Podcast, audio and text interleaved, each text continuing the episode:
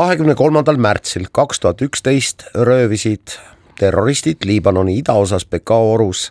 seitse Eesti jalgrattaturisti. Telefonil on nüüd Euroopa Parlamendi liige Urmas Paet, kes oli üksteist aastat tagasi Eesti välisminister, tere Urmas!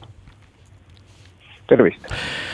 Urmas, te olite välisminister kokku üheksa pool aastat ja kaks aastat ka veel kultuuriminister, märkimisväärne valitsusstaaž, kellelgi pole Eestis taolist. kas need kolm ja pool kuud Liibanoni pantvangikriisi olid teie ministri ametiaegade raskeimad? jah, lühike vastus on jah, et emotsionaalselt äh, oli see kõige keerulisem periood, sest noh, otseselt olid kaalul konkreetsete inimeste elud ja sellega kaasnenud teadmatus, noh, mis võib saada mõne tunni pärast või järgmiseks hommikuks, noh, oli kõik need kuud, kuud juures, nii et jah, et, et järgmine ütleme, selline pingeline periood oli siis pronkssõduri nii-öelda järgne aeg ja, ja ütleme siis juba suuremad riikidevahelised probleemid ja pinged, aga isiklikus plaanis otseselt inimesi puudutavalt oli ikkagi see aeg, jah. Urmas Paet, kaua see teadmatus, äh, noh, luure ju mingil määral töötas ja ma tean, et ka, ka mingeid luureid ju saadeti sinna äh, sinna PK orgu uurima, kus meie, meie mehed on Äh, kaua see teadmatus, mis üldse toimus, mis neist sai, kaua see kestis, millal tuli esimesed infokillud, et jah, ikka lootust on, nad on elus? No see võttis aega mõne päeva, äh, siis sellest hetkest, kui tuli teade, et need inimesed on röövitud, et, et mõne päeva pärast ikkagi hakkasid äh, noh, nii-öelda mingisugused infokillud selles mõttes kokku minema, et, et mingi pilt hakkas tekkima. Aga noh, samas kuni nende nii-öelda peaaegu päris lõpliku vabanemiseni eh, oli kogu aeg seda olukorda, et ega siis nii-öelda reaalajas ei olnud ikkagi võimalik kogu aeg teada, eks ole, et kus nad on ja mis nende seisund on, sest eh, noh, neid inimesi seal ju liigutati ümber ühest kohast teise. Äh, ei olnud ju nii-öelda kaamerat nende kohal, kus sai kogu aeg jälgida, mis on nende seisund, nii et, et selles mõttes äh, noh, kõik see info ka, mis tuli, oli ju ikkagi teatava viibega ja noh, arvestades seda olukorda, arvestades neid inimesi, kelle käes nad olid, üldse seda keskkonda, sel ajal ju puhkes teatavasti ka Süüria kodusõda veel lisaks. et, et eks see teadmatus oli ju tegelikult nii-öelda kogu aeg, et, et see kinnitused tulid jah nii-öelda mõningase viibega tagantjärgi, aga selleks hetkeks, kui see info tuli, võis olla olukord juba muutunud.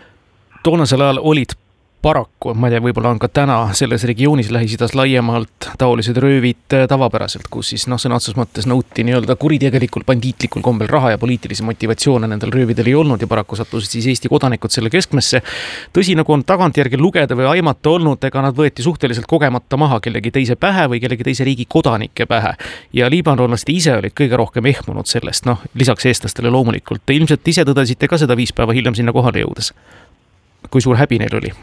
Toimunu pärast? no ma ei tea, kas see häbi võib-olla ei ole õige sõna, aga noh, selge, et see oli ka Liibanoni nii-öelda võimudele väga häiriv tegur, et noh, esiteks oli see väga nähtav juhtum, oli nii palju inimesi korraga, noh lisaks äh, Eesti poolt me ju kaasasime ka mitmeid meie liitlasriike, Prantsusmaad ja, ja muid, jah, ja mis tähendab seda, et see sai nagu väga suure tähelepanu, pluss eks ole ka kohalik siis Liibanoni meedia tundis ju selle juhtumi vastu huvi kogu aeg ja kajastas seda, nii et eks ta muidugi oligi Liibanonile ka väga selline noh, ebamugav teema, arvestades, et niigi oli probleeme kõikvõimalikke palju, noh pluss seesama naaberriigi juures ehk Süürias veel nii-öelda täiendavate eh, probleemide tekkimine kodusõja näol, mis eh, ju mõjutas ka Liibanoni, nii et jah, et ega see, see ei olnud nii-öelda ju kellelegi midagi sellist, mida oleks saanud päris külmalt võtta. Urmas Paet, küsin teie kui väga staažika poliitiku ja Euroopas tegutseva poliitiku käest ja, ja pikaajalise välisministri käest, et kui tõsiselt me peaksime suhtuma sellesse, kui meie välisministeerium ütleb, et registreerige enda reis ja jagab soovitusi, et ah, kui te Usbekistani reisite, ärge näiteks Fergana orgu noh, pigem mitte, mitte minge, mina olen seal käinud, mitte mingit probleemi mul ei olnud. kas ma peaksin suhtuma tõsiselt sellistesse soovitustesse või on see mingisugune ametkondlik selline nagu nõue või, saite mu küsimusest aru? no ega ei, ma sain küsimusest aru küll jah, et aga noh, kõik ju taandub ikkagi sellele, et kui palju te ise endast ja oma lähedastest ennekõike hoolite. et kui te nii-öelda tahate oma lähedastele tekitada suuri muresid ja, ja kannatusi, noh siis muidugi ärge võtke kuulda mitte midagi, ärge lugege mitte midagi selle piirkonna kohta, kuhu te tahate minna ja minge siis nii-öelda avastama. et noh, kui ikkagi on vähegi nii-öelda ratsionaalset öö, mõtlemist, sealhulgas ka omaenda ja, ja oma lähedaste suhtes hoolimist, noh siis muidugi kõiki neid hoiatusi tuleb võtta väga tõsiselt, sest ega siis noh, maailmas on väga palju selliseid piirkondi, kus nii-öelda Eesti turvatasemega võrreldes või ka isegi mõne vähem nii-öelda arenenud riigi turvatasemega võrreldes on olukord palju kriitilisem, et sealsamas Liibanonis ju enne seda on inimesi käinud küll ja veel ja pärast seda on käinud küll ja veel ja ei olegi midagi juhtunud. aga ükskord juhtub.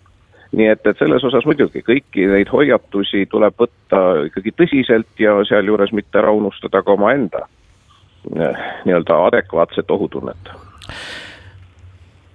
me oleme saanud õnneks lugeda selle kurva sündmuse kohta väga põnevaid raamatuid. Madis Jürgeni Liibanon ja sinna otsa veel põnevam arvaks Tiit Pruuli Anti-Liibanon. Nendest sündmustest, mis on kirjeldatud, tõsi, need on ilukirjandusliku ja nii-öelda selleainelised. ega me vist lähema noh, nüüd juba kuuekümne pluss aasta jooksul teada ei saa, kuidas see lugu tegelikult lahenes, aga kas nii palju võite öelda, et oli see ikkagi nüüd Eesti eriteenistuste pigem töövõit või ikkagi olid need prantslased, kes meie poisid välja tõid? No ma arvan, kõige adekvaatsem vastus sellele on, et see oli sellise hea ja toimiva koostöö võit, et, et noh, peale Eesti ja Prantsusmaa olid ju sellesse koostöösse kaasatud veel ka, ka muud riigid ja, ja muud abilised, nii et selles osas see oli selline väga hästi toiminud rahvusvahelise koostöö tulemus, et, et nüüd öelda, et ainult Eesti või ainult Prantsusmaa või ainult keegi kolmas, et noh, nii see ei ole, et see oli ikkagi just nimelt ma rõhutan seda rahvusvahelist koostööd, noh mis ka tollal oli kinnitus sellest, et tegelikult äh, noh, meie nii-öelda oluliste partnerite ja liitlastega ja mitte ainult nendega, noh, peaksid olema